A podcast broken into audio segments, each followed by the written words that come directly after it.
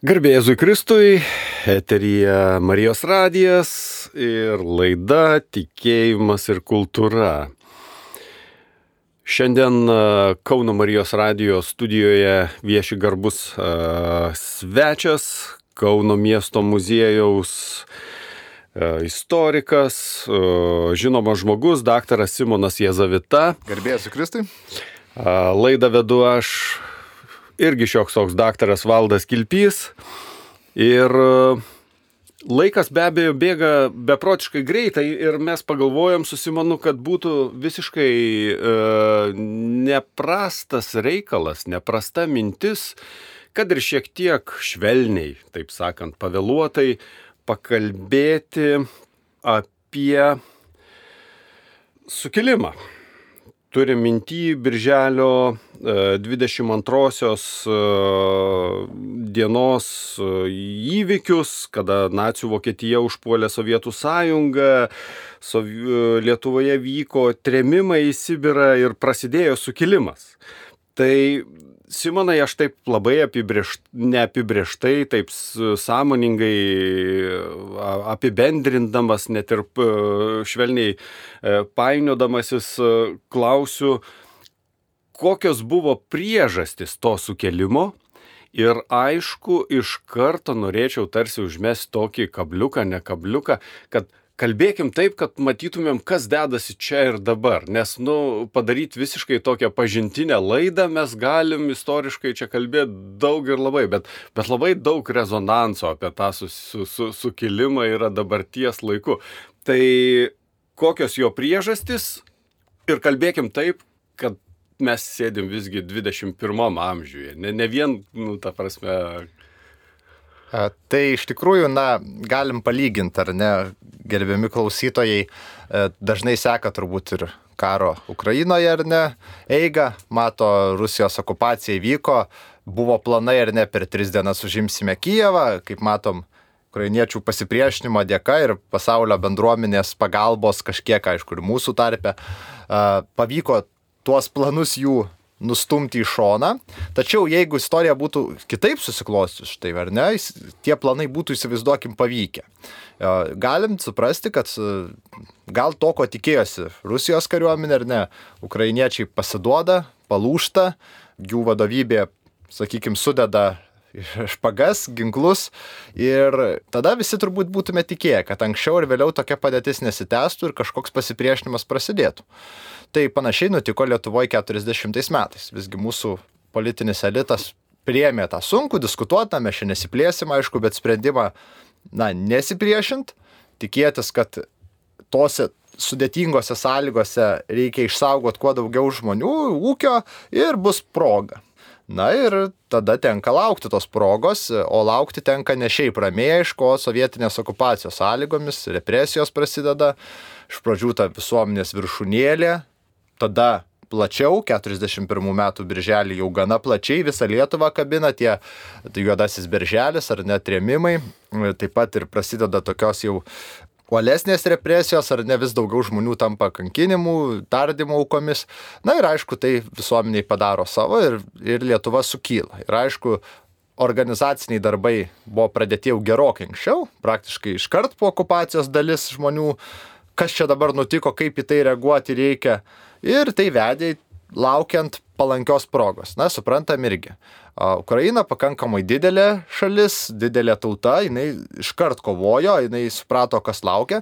40-ųjų Lietuva dėl daugelio priežasčių visgi pasirinko, e, na, nekovoti ir, ir, ir, ir e, išlaukti progos. Na, mhm. nes tai buvo tarsi mūsų svarstymuose, kad įvyktų konfliktas su kaimynu, tai reikia, kad kitas kaimynas, na, sakykime, su juo kovotų. Tada, aišku, ir ta maža šalis, maža tauta gali nusverti tas varstiklės. Ir būtent toks konfliktas įvyksta, kai Vokietija įsiveržė į Sovietų sąjungą ir šito laukia sukilimo strategai. Tada sukilimas ir įvyksta ir didelė dalis lietuvių tautos vienaip ar kitaip, na, arba aktyviai dalyvauja sukilime, arba remia sukilėlius, arba bent jau uh, na, džiaugiasi, kad išėjo sovietiniai okupantai ir nerimastingai laukia, kas bus toliau, nes, na, juk ateina vokiečių kariai, tai ką jie atneš? Sudėtinga buvo situacija ir tą irgi reikia visada prisiminti, ne, aš niekada nesakau, kad gėdytis to sukilimo, bet kaip tik va taip rimtai pasižiūrėti į tikrai labai sudėtingą situaciją, kur atsidūrė mūsų proseneliai tuo metu. Beprotiškai sudėtinga ir ne veltui, nu, gal nukelsimės tą pokalbį į, į, į antrąjį pokalbio dalį. Ne veltui tas sukilimas kelia to tiek, tiek rezonanso. Ta, apie tai yra nu, beprotiškai daug šnekama, beprotiškai daug rašoma, vieni taip, kiti anaip. Bet e, vis tiek dar panagrinėkim tą ir istorinę pusę, ar ne? E, jūs, Simonai, paminėjot e, tokį žodžių darinį sukilimo strategai. Kas buvo tie sukilimo strategai ir kas buvo patys dalyviai? Kokius visuomenės sluoksnius jisai apėmė? Ar tai buvo, nu, kaip čia pasakius, inteligentijos, ar, nu, kas, kas buvo tie, kurie kėlė galvas ir, ir, ir darė visą tai? Tai pirmiausia, tie žmonės, kurie turėjo, planavo ar ne pasipriešinti. Ir, na, iš jų, sakykime, tas šansas buvo, jeigu ne atimtas, tai galbūt tuo metu ir na, nespėjo, nesureagavo, o kiti tiesiog gal laukia aukštesnės vadovybės nurodymo, nesulaukė tą 40 birželį. Tai matom tarp jų ir karininkijos atstovus, matom Šaulių sąjungos tos pačios atstovus, kitų visuomeninių organizacijų, politiškai aktyvų jaunimą, kaip galim dabar įvardinti ar ne. Taip pat ir paprastus Lietuvos ūkininkus, ar tai būtų, ar mokytojus, kitų tų profesijų atstovus, inteligentija tikrai nebuvo ta, kuri po medžiu, kaip sakyt, liko stovėti ir dai, baukščiai dairytis į visas pusės, pasirinko tą kovos kelią. Na ir jeigu išskirt, tai du centrai, trumpai aš e, galiu apibūdinti. E, vienas jų yra okupuotoje Lietuvoje. Tai yra svarbiausias visgi, sakyčiau, nes tai yra žmonės, kurie patiria represijas, kurie mato, kas čia vyksta. Ir iš kitoj pusėje, aišku, yra artimiausioje toje valstybėje susibūręs e, aplink buvusį pasiuntinį būtent Vokietijoje Kazį Škirpą, susibūręs irgi sluoksnis pasitraukusių iš Lietuvos, kurie tie žmonės, buvę politinio elito atstovai įvairių pažiūrų, bet jie supratė, kad jiems tai jau gyvenimo tikrai nebus, jie traukėsi ten ir, ir jungėsi prie jo, jie subūrė tą vadinamą lietuvių aktyvistų frontą. Bet panaši organizacija veikia ir okupuotai Lietuvoje ir Kaunas neatsitiktinai irgi tampa vienu pagrindinių žydinių. Jos tom sudėtingom sąlygom palaiko ryšį, na, bando kiek tai įmanoma tuos e, koordinuoti reikalus. Tai ne visada, aišku, pavyksta, bet toks bandymas yra. Mhm.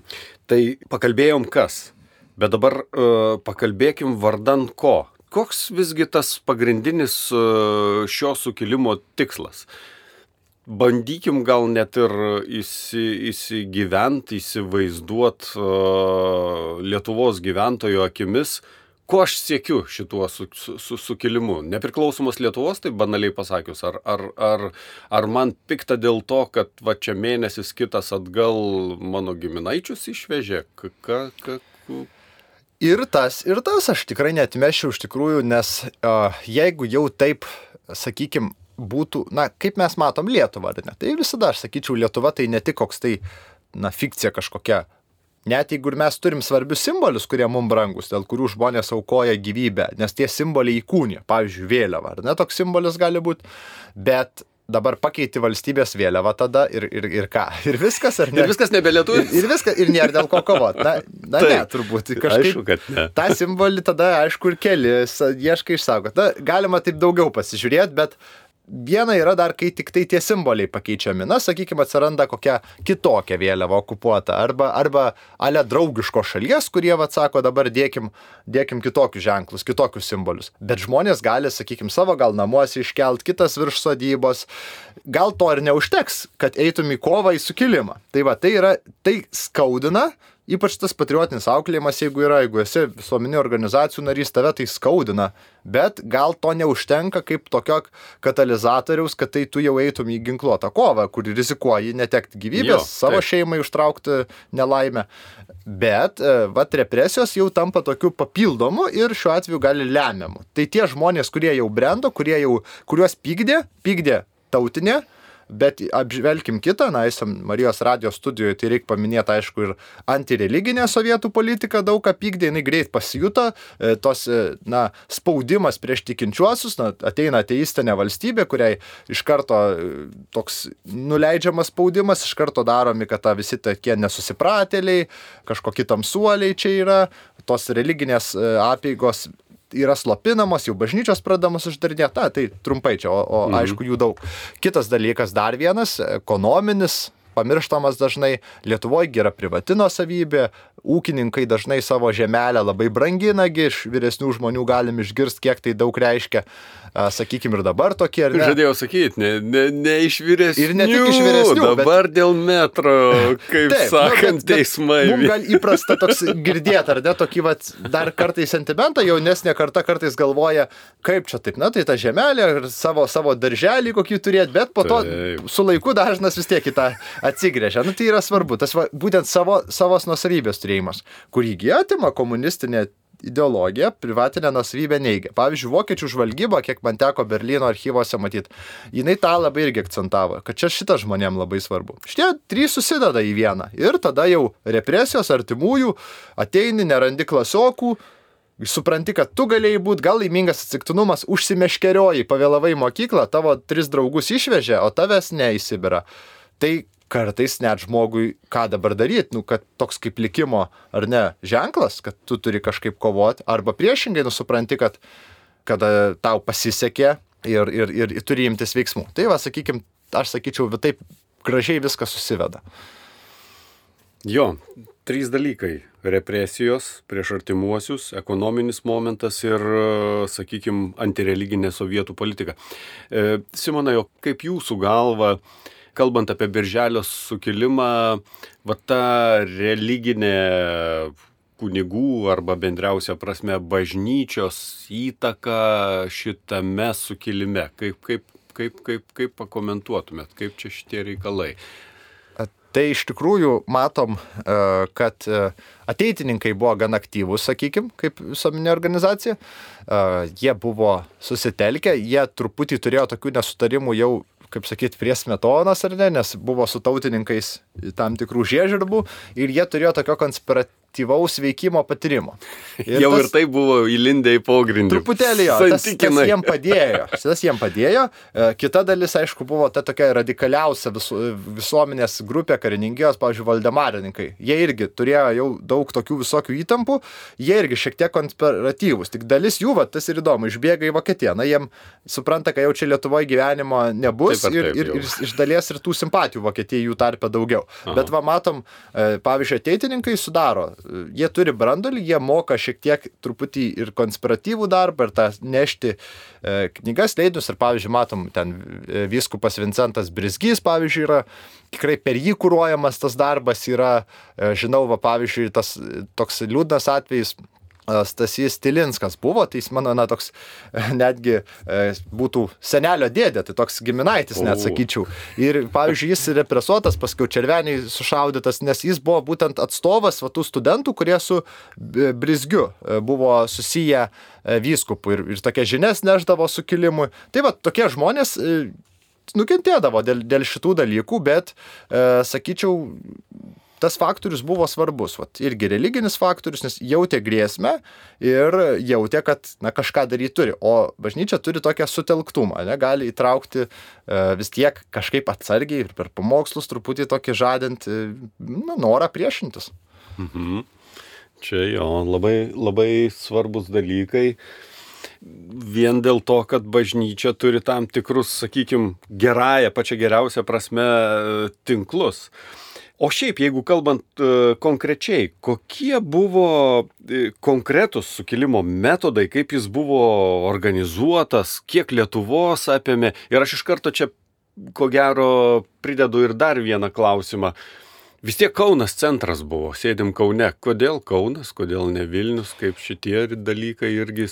Aišku, vis tiek, na, iki 40 metų net Lietuvai atgavus Vilnių sostinė vis tiek liko Kaunas. Smetona neskubėjo persikelti, jisai tai kelios priežastys, tai jeigu labai trumpai, tai tiek e, vakarų šalių spaudimas, jos teigia, kad nepripažins Vilniaus kaip sostinę, na, Lietuva jį susigražino, bet diplomatinių atstovybių ten neperkels.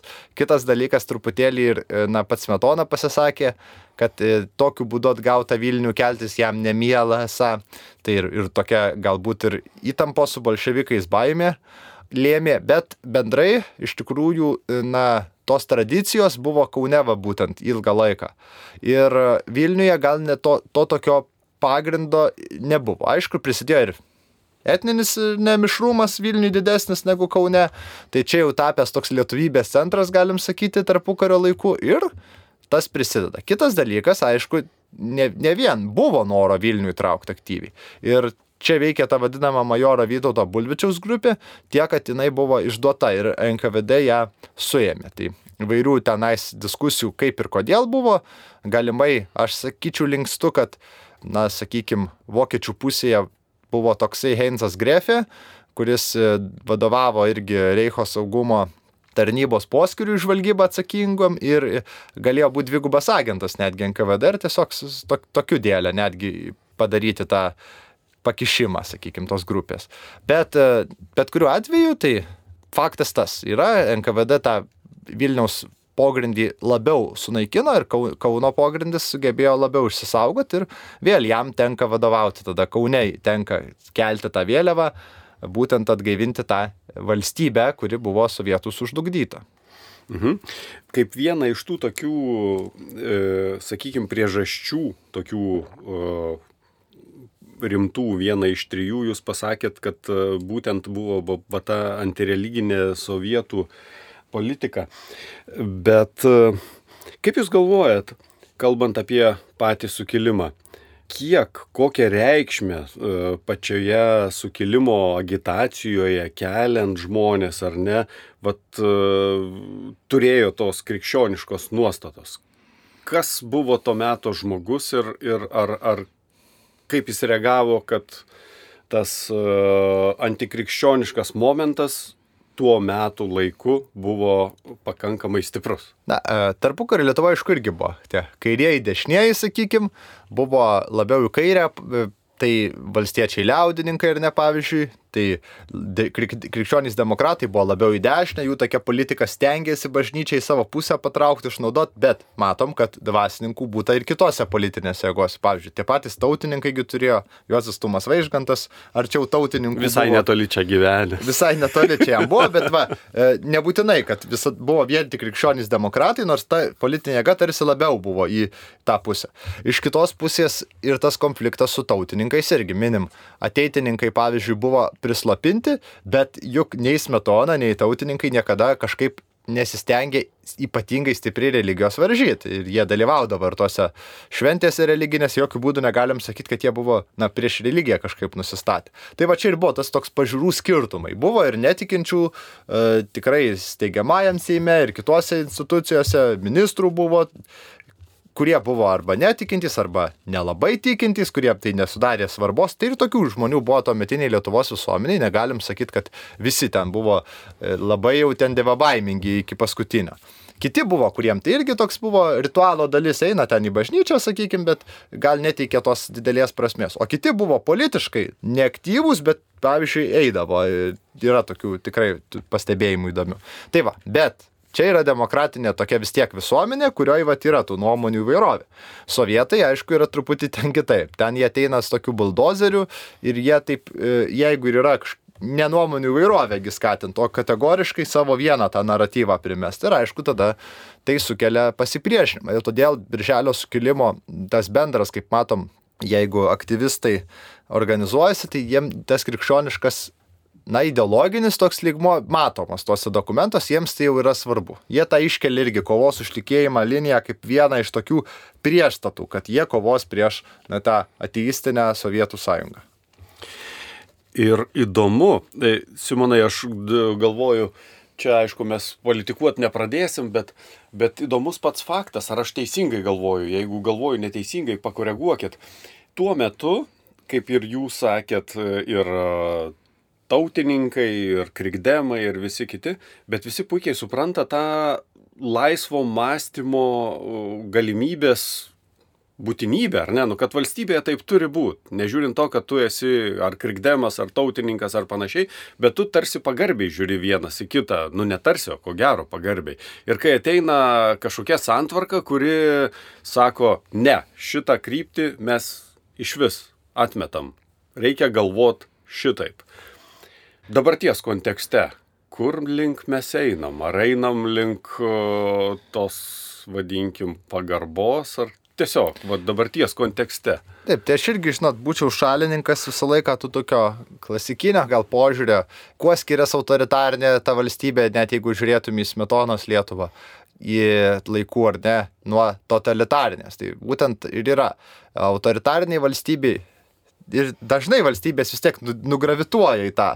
Nu, toks yra kaip Tarsi primestinai sako galvoti. Kurį laiką veikia demokratija, tačiau, sakykime, įsivyrauja valdžioje už tai pavojinga. Viena ar kita grupė, gali nebūtinai per politinės partijas, bet, na, kaip amerikiečiai mėgsta tą deep state terminą, ne, Aha. kuris čia įvairių sulaukia taip. diskusijų, bet, na, tai... Gili tai, valstybė išverčiu tai, jėgą. Tai, tai, tai, taip, tai, tai veikia, na, tas toks visą laiką, vis, nuo senų laikų matom, to tikras politinis elitas, susisaistęs įvairiais ryšiais, užima ką kariuomeniai turi savo atramą, turi žiniasklaidoje, turi atramą, turi... Saugumo reikaluose. Taip, taip, va šituose turi, turi sakykime, kiti ir dvasininkyje tą pačią, nu visur e, įsivyrauja, ar ne, ten teisė įsivyrauja, kituose svarbiuose e, profesijose.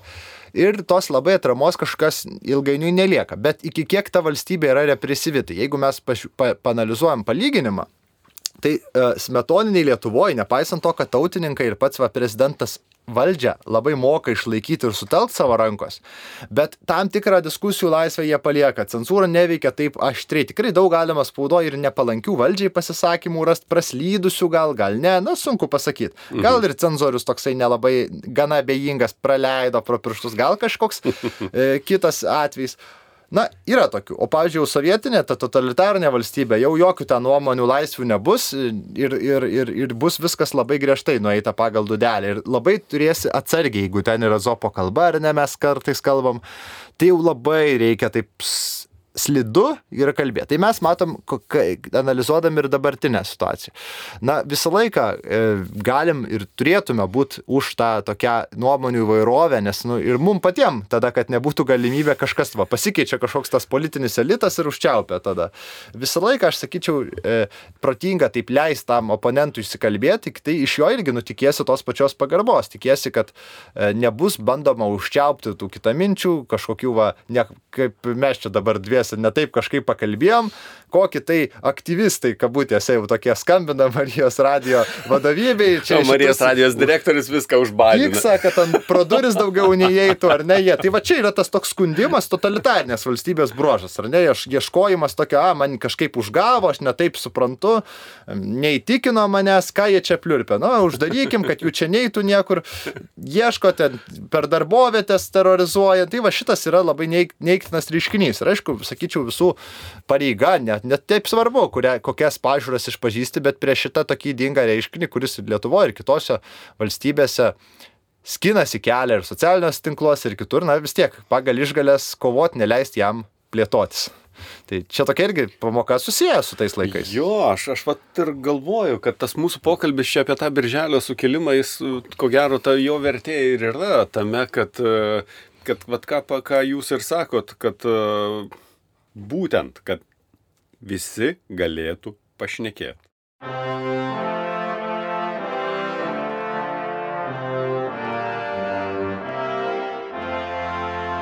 Čia Marijos radijas.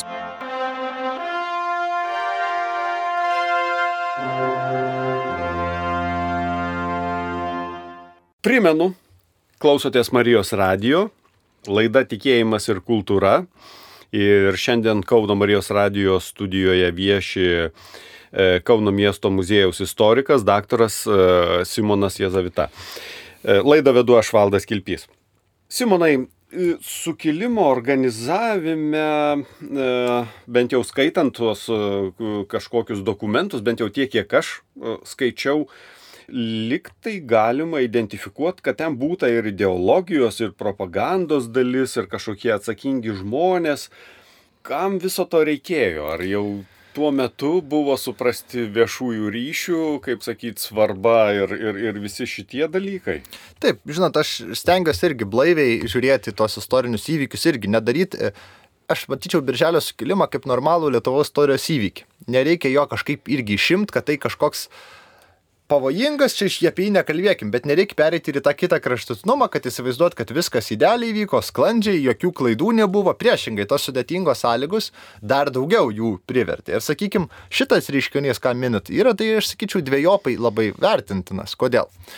Tai mes matom, tai propagandos, va ta prasme buvo labai suprasta, ideologijos, kad jinai turi būti. Bet e, šitos pusės irgi yra kaltinimus tarp sukilėlių tekstuose ideologiniuose, kad Lietuvos e, ta ana valstybė tarpu karinė nefunkcionavo gerai. Ir jie vat mato va, būtent šitus dalykus, kad ten buvo per mažai griežtos rankos tokios. Smetona kaltinamas ten kaip, ne kaip koks tai kietos rankos demokratijos malšintojas, o priešingai kaip toks skystalas. Skystalas, vad gerai pasakyta, toksai, kuris nesugebėjo įvesti tokio griežto tautinio režimo ir kart kalbant apie tą pačią krikščionybę. Na, jin ten kartais irgi kaip sakyt, postulatai gražus, bet jų tikslas remtis truputį įvedant tą tokį, da, e, kritikai pasakytų klerikalinį režimą. Ne? Ir tarpu kariu tas terminas buvo naudotas tokį labai už apimantį plačiai tą visuomenę sferą. Tai aišku, po tą vėliavą stengtasi telktis sovietinio teroro akivaizdai, e, gal buvo tikima, kad tai labiau priimtina bus ir vokiečiams, su kuriais nori, nenori tenka, kaip sakyt, šiek tiek reksti bendrus planus arba juos supažindinti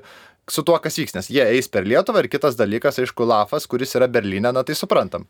Negali visiškai veikti vokiečių nežinioj. Jie stengiasi kai ką nuslėpti, bet kai ką ir pasidalina, e, o vokiečių tarnybos irgi ten. Škirpa, pavyzdžiui, tikėjo, kad karinė žvalgyba apveras, jinai yra ideologiškai neutrali. Tai jai nebus svarbu, jinai ten nesirems nacijų partija, bet apveras šiuo klausimu vis tiek visko pasidalina, va, ką, ką mes matom istorikai žiūrėdami. Tai mūsų sukilių planai daugumas yra žinomi vokiečiam.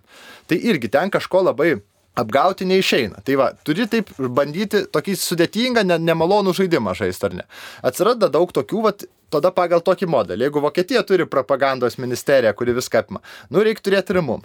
To nebuvo, pavyzdžiui, tarpu kario Lietuvoje. Bet Latvija turėjo, na, tai yra tokia epochos dvasia. Ir šitą jau tai planuota įsivesti, kad ta informacija, kad nebūtų taip kaip prie, suprask, kabutėse prie to skystos metonos, kaip pasakėt, o bus griežčiau, bus labiau kontroliuojama. Ir šitoj vietoj taip, nu čia aš išvengčiau. Uh, aš galiu suprasti, kodėl tai vyko, nu toj sudėtingoje sąlygoje. Aišku, nebūtina tuo labai irgi žavėtis ar pateisinti. Tai čia yra irgi toks truputį, kada iš didelio rašto išeini iš krašto. Na, kitaip sakant, arba žmonijoje na, normalus irgi reiškinys, ne tik mūsų birželio sukilėlių, bet visais karais matomas, kada tu su panašiai su priešu šiek tiek, ar ne, ir į tą totalitarinį sovietų veikimą atsakai truputį irgi tokiais totalitariniais metodais, šiuo atveju irgi Škirpa daug metų diplomatas buvo ir karo tašė Vokietijoje. Na, jis matė, kas ten, sakykime, veikia Vokietijoje, mobilizuoja tautą, suveda, tai ir tų nacionalsocialistinių tokių yra metodų ta, tautos vienijimui pasiekti, siekiant, kad visi būtų vieningi, apie tai labai Taip. daug kalbama.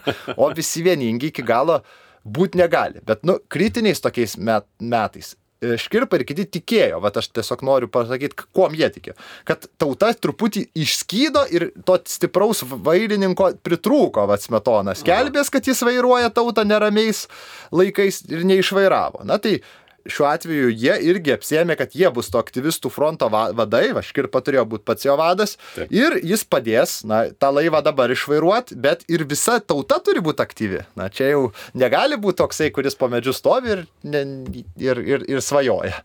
Ir už tai tiesa gavo kritikos ir iš to meto, čia ne tik šių laikų, ten koks kitas diplomatas Jurgis Šaulys, jų ten susirašinėjimai, labai daug tokios kritikos. Patį sukilimą supranta, jį gerai vertina, bet dėl va tų ideologinių dalykų, tai, nu, ginčių buvo.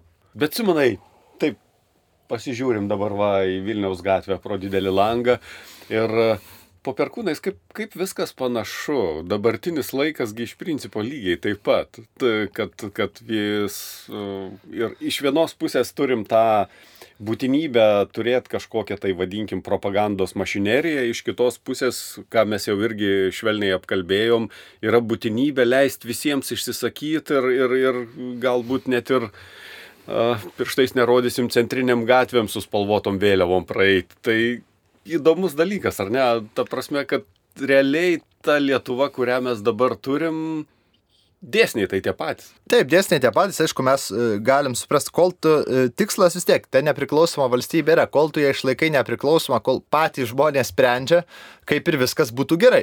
Tie laikai irgi parodė, kad na, visiškai išlikti vieniems ar ne, vado, suvadovaut, kaip sakyt, gal kaip kai kas norėtų, kad škirpa ar ten kažkas būtų atsistojęs ir sovietams suvadovavęs, ir vokiečių reichui, ir dar ten kokiem amerikiečiam paaiškinęs, taip neišein, taip nebus. Nu, reikia būti tokiais realistais ir suvokti, kad ta, ir, ir, ir jie suvokė. Na, pavyzdžiui, škirpos raštai 34 metais, kada dar buvo kitos sąlygos, kada dar buvo mes be Vilniaus nenurimsim, kas va po to irgi nugrimzdo ir visai pasitarė greit neaktualu. Bet tuo metu tai buvo reikalas, atrodė įtampa didelė. Jis rašo, Lietuvos privedimas vienos į konfliktą su dešimt kart didesnė, bent jau dešimt. Lenkija, ar ne, būtų tokia katastrofa, kad mūsų praeities, ateities kartos mums niekada negalėtų atleisti už tą beprotystę. Tai žodžiu, turim vis tiek matyti kažkokį globalesnį, didesnį žaidimą Ir šitoje vietoje, aišku, čia škirpos ir klaida buvo. Jisai tikėjo, pavyzdžiui, kad Molotovo Ribbentropo paktos Lietuva susigražina Vilnių, Vokietija ir Sovietai sustiprėja, tarp jų paritetas, o Lietuva sauklestis, nes tos dvi didelės šalis daugiau neturi dėl ko pyktis. Na, matom, šitoje vietoje irgi. Na, ta jo e, vizija nepasiteisino. Na, tai yra normalu. Politikai, diplomatai klysta. Tai čia irgi, aš tai ir tragedijos nematau tą pripažinti. Ir mes, vat, irgi šitoj vietoj, kaip, kaip, kaip sunkiai mums reikia vis tiek ir balansuoti, ir stengtis išgyventi, žiūrėti, prie ko mums civilizacinių, geopolitinių požiūrių arčiau. Mes irgi esame ES, NATO struktūrų nariai, atsižvelgti ir į savo sąjungininkus, partnerius, bet ir neprarast iki galo savo kažkokio savitumo savasties. Galbūt telktis sakyčiau, su gretimom regioniniam valstybėm, matom, tas su ta pačia Lenkija dabar santykiai geri, ieškom artimesnio ryšio, randam daugiau tų per šimtmečius pasiteisinusių kažko, kas mus neskiria, o jungia. Gal ir dar tos gali prasiplėsti kažkoks tos e, na, kultūriškai artimesnių valstybių ryšys, kad mums tada būtų lengviau kalbėtis, kad vat, mes nuo to, sakykime, agresyvios Rusijos mes ne, ne, ne, nenorim su jie turėti reikalų, bet galbūt mastom šiek tiek ir kitaip negu kiti kokie mūsų uh, draugai ar partneriai, na, neįvardinsim, bet gal kokios, na, kuri nors vakarų Europos šalis. Truputį kitos kultūrinės realijos mūsų formavo. Mes da, ta dviejų greičių Europą, ar kaip čia pavadinti. Visi kaip ir kartu, bet ir truputį, truputį skirtingus prioritetus turim. Tai va, tai tokių, tokių mum, čia yra ką pasukt gal. Mūsų visai inteligentijai ir visai dabartiniui tam politiniui elitui. Čia reikalas nelengvas. Žiauriai nelengvas, nes uh, tiesiog, va, aš ir galvoju, kad mūsų šito pokalbio vertė yra būtent tai, kad uh, mes nekalbam grinai vien iš to tokio ar ne istorijų. Buvo šitaip, taip, anaip ir trečiaip. Uh, buvo visai. Ir iš tikrųjų klausimai, kurie dabartiniai valstybei kyla, iš principo jie taip bendriausia filosofinė, o gal net ir politologinė prasme, ne kažką ir skiriasi. Bet aš uh, užsikabinau ir pasižymėjau uh, jūsų žodžius. Jūs sakot, uh, kalbant apie birželio sukilimą, sakot, norėčiau, arba jeigu netiksliai pacituosiu, pataisykit, norėčiau, kad tai būtų E, tiesiog Lietuvos istorijos e, įvykis, ar ne, o ne, ne kažkoks tai super ypatingas. Kaip Jūs galvojat, kodėl dabartiniam laikė tas birželio sukilimas yra toks, netaisyklingai pasakysiu, suipatingintas? Kodėl jis kelia tokį rezonansinį visą obalsį? Kodėl jis vat toks, o ne kitoks. Nes iš tiesų, jeigu viešąją erdvę taip paskaičius, tai ko gero mus jau reikėtų kaip ir kur nors išvežti, nes mes čia apie, per daug savo leidžiam. Taip, tai aišku, iš tikrųjų e, vienas iš pagrindinių tokių dalykų. Na, visoje to irgi euroatlantinėje erdvėje, ar ne, ar vienoje ar kitoje Atlanto pusėje, tas įvykiai, tos datos, kada prasideda mūsų sukilimas, ir ne mes tarsi kovojom, viskas gerai, mūsų valstybė buvo pripažinta iš vienos pusės, tai tą teisę visi pripažįsta, nieks nenik. Bet sutampa su irgi to tokio istorinės atminties e, fenomeno vakarų visuomeniai, tai aišku, holokausto pradžia. Ir tai yra tikrai įsirėžę giliai ir vakarų Europoje, yra JAV, sakykime, gyventojų istorinės atminties tam laukia, kad tai yra ypač svarbus įvykis globaliai, supras toks kaip, na, absoliutus blogis, kuris įvyko ir jis prasideda tuo metu, jis prasideda čia.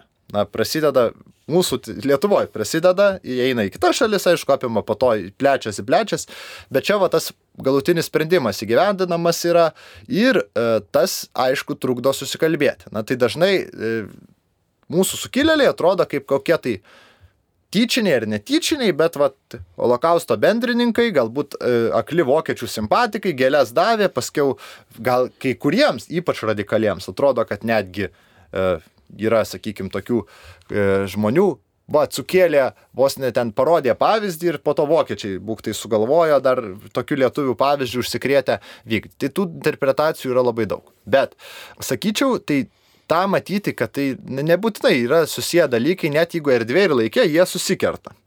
Taip ir galim suprasti. Čia nėra nieko blogo suprasti, kad dalis sukilėlių nueina tuo keliu ir, ir žydų žudimo keliu, ir kolaboravimo su vokiečiais keliu, dalis lieka nuo to atsiribojusi, dalis lieka kažkur per vidurį. Galbūt pasyviai stebi, galbūt e, sako, ir gerai čia vokiečiai padarė. Nu, tokių nuomonių yra. Tai vis tiek tų žmonių yra labai daug. Kažkokia nedidelė dalis, matom, juos ir, ir na, pavyzdžiui, sukilėlių apskaičiuota istorikų tyrimuose irgi. Ten nedaugiau 9 procentų galėjo dalyvauti pogromuose. Tai daug ar mažai, kiekvienam spręst. Kas ką labai sakys, tai toks sakys, na, šaukštas deguto, tikrai, pada... pavyzdžiui, Kauno čia atvejs. Virš 3000 aktyvių sukilėlių ir matom paskiau tos grupės, kurios, na, irgi keli sukilime dalyvavę karininkai, pavyzdžiui, majoras Kazys Šimkus, lieutenantas Bronius Norkus, jie vat, vat, dalyvauja holokausto žudynėse, įtraukia savo pavaldinius, savo karius, įvairius kitus žmonės, bet labai daug kitų, kurių neįtraukia. Na tai irgi, mhm. žinot, tai suabsoliutint galima visą laiką, ar ne?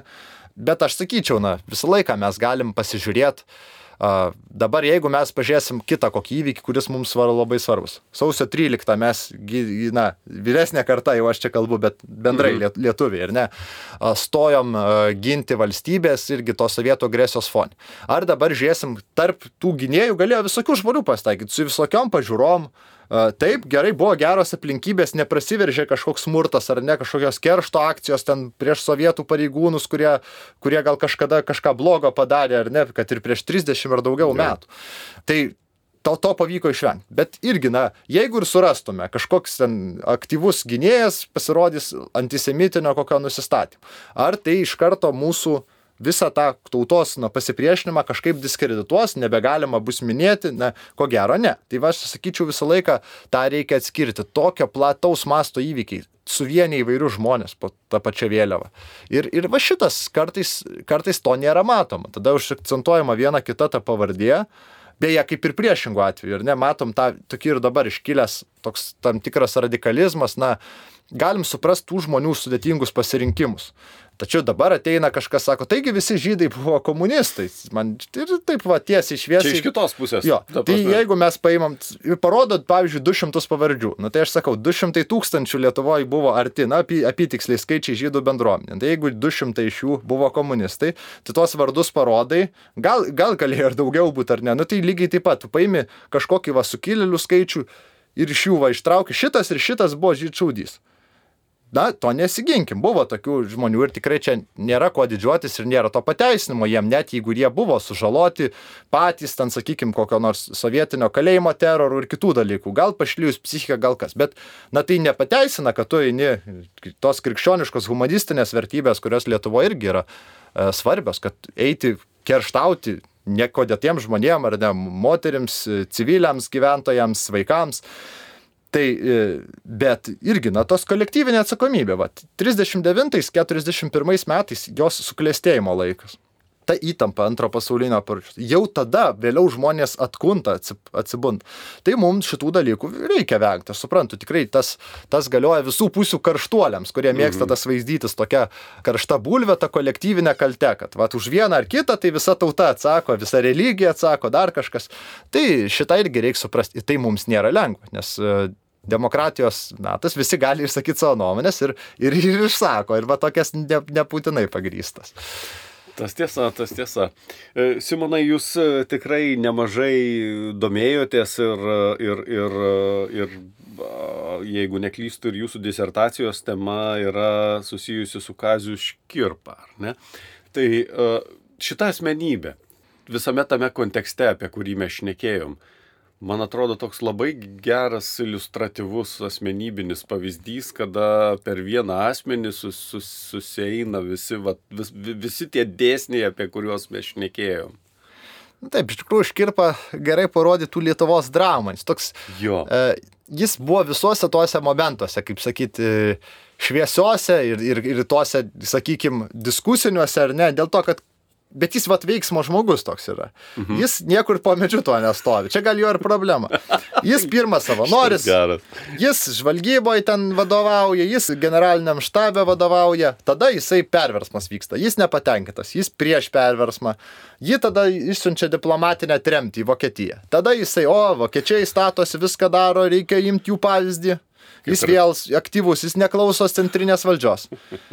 Vilnius e, klausimas. Reikia susigražinti Vilnių, daryti viską, ką reikia. Bet jis nusinčia jį į Lenkiją pirmų pasniučių. Tiesą sakant, visi mane istorikai rašydavo, kad antilenkiškas aš ten tuos archyvus pakapšiau ir toje Lenkijoje ir, ir, ir kitur. Na, ne, jis irgi eina į kontaktą, jis ieško galimybių atsivėrusių, visada jis aktyvus. Kartais tas aktyvumas gali būti ir ne vietoj toksai karštas žmogus.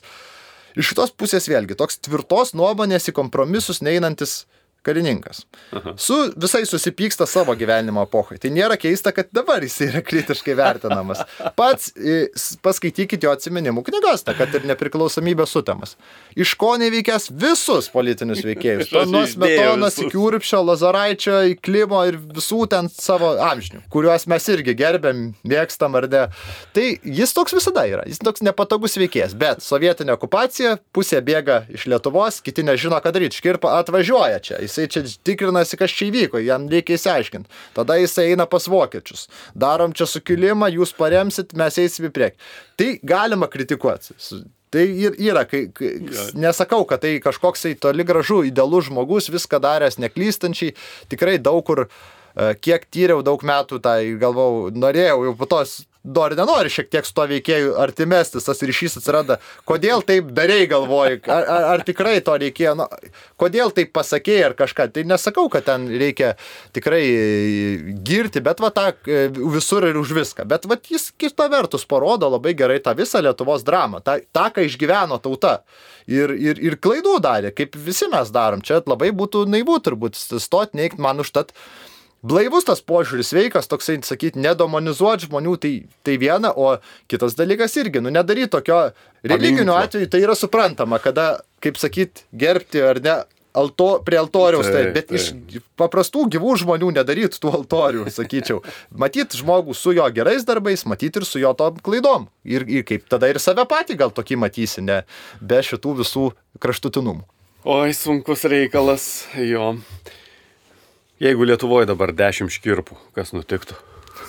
susipyktų visi tarpusavį, kiekvienas prie savo nuomonės liktų ir, ir, ir, ir, ir Lafas po to išsis, išsisklaidė ir, ir na, to sut- sutarimo ieškota, bet vis tiek, na, tas e, toks autoritatyvus būdas, sakyčiau, jeigu palyginant, na, Škirpa ir visus Smetona, aš juos dažnai jų matydamas ginčius Aha. lygindavau. Tai e, Škirpa tikrai buvo kietesnė smetonos versija. Na, jam niekada nepavyko tos tokios valdžios užimti, bet jis radikalesnė versija. Skaičiu, smetona vyresnis, tokio senesnio sukirpimo žmogus, nuosaikesnis ir šiuo, šiuo atveju net ir va tais tautiniais klausimais ar visais kitais. Tai čia, sakykim, bet tai yra epochos dvasia. Irgi Taip. Ne veltui daug tų žmonių jaunes, jie linko ir tą pačią Vokietiją orientavosi, kaip, uh, sakykime, tos ir to tautinio socializmo tam tikros ideologijos atplaišos matomos yra. Vėlgi, veikia kraštutinumai. Vienoje pusėje ateina tas komunizmas, tie, kam komunizmas yra atgrasus, eina ten. Buvo žmonių išsaugojusių tą vidurio kelią, bet aš ir juos galiu šiek tiek sukritikuoti. Mano minėtas Šaulys ar, ar kiti garbų žmonės, bet jie irgi, jie biškeliai renkasi pastovėti po medžiu, mhm. nes jie nežino, kas bus. Jie yra protingi ir e, Šaulys pats pasakė škirpį ir labai protingai pasakė, Kazy, tu esi karys, aš esu filosofas. Mhm. Jis tą pats suprato, jų tie laiškai vat, labai įdomus, nes aš turiu šimtą kartų pagalvoti prieš darydamas, bet kritiniuose atvejuose kartais reikia daryti ir, ir, ir, ir kartais priimti kainą, kad gali būti ir tavo sprendimai kritikuojami po daugelio metų, būti ginčiai. Bus žmonės, bet vat, tokie žmonės ir yra įdomus, bus žmonių visada, kurie sakys, reikia lentelę kabinti, kitas sakys, nuplėšk. E, Bet tai yra tokie žmonės, kuriem abejingų mažai lieka, kai įsigilina jų tas, vat, sakykime, veik, veiklos peripetijas. Jo, čia asmenybių reikalai. Grįžtam prie Birželio sukilimo. Kokia visgi ta baigtis uh, sukilimo, gal trumpai? Ir tada iš karto užduodu ir, ir kitą klausimo dalį, ar ne?